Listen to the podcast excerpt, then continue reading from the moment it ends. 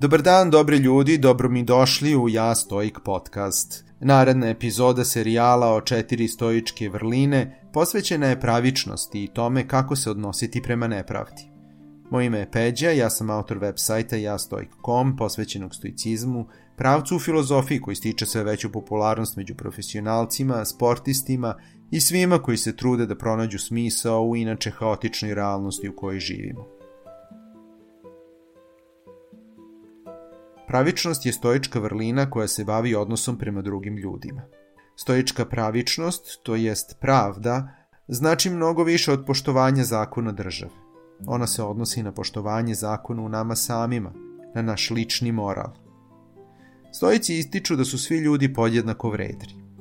Jer smo stvoreni za zajednički rad, kao ruke, noge i trepavice, kao gornji i donji zubi. Kad bismo radili jedan protiv drugoga, bilo bi to protivno prirodi napisao je Marko Aurelije. Svi smo deo iste prirode, ljudi su bića koja povezuju isti razum, sposobnost mislene komunikacije i potreba za druženjem i saradnjom. Najsrećniji smo kada smo okruženi porodicom, prijateljima i kada zajedno sa ostalima učestvujemo u aktivnostima koje smatramo važnim. Stojici koristi još ove reči kako bi opisali pravičnost. Iskrenost, ravnopravnost, poštenje, dobrodušnost, blagost i ljubaznost. Hrisip poručuje svojim učenicima. Onaj ko se takmiči u trčanju treba da da sve od sebe da pobedi u trci, ali će učiniti veliku grešku ako pokuša da saplete drugog takmičara ili ga odgura u stranu. Nije pogrešno tražiti od života najbolje šta može da ti pruži, ali nije pravično uzimati od drugog. Nepravda je odsustvo zdravog razuma, odstupanje od prave čovekove prirode. Ako je u prirodi ljudskih bića da zajedno delaju, zašto bi radili jedan protiv drugog? Ipak, svi smo mi različiti i ne možeš očekivati od svih da podjednako vešto koriste razum. U takvoj situaciji pokušaj da urazumiš onog drugog, a ako je to nemoguće, postupi po svojim moralnim načelima, ali tako da nikoga ne ugroziš.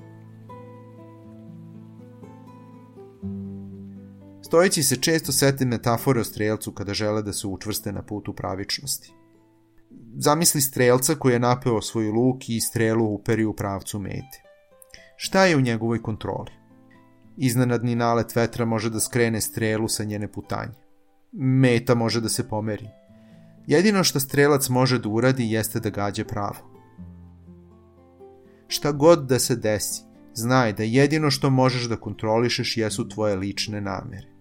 Fokusiraj se na svoj sledeći korak, uvek stremeći pravičnosti, jer je to najbolje što možeš da uradiš za sebe i za drugi.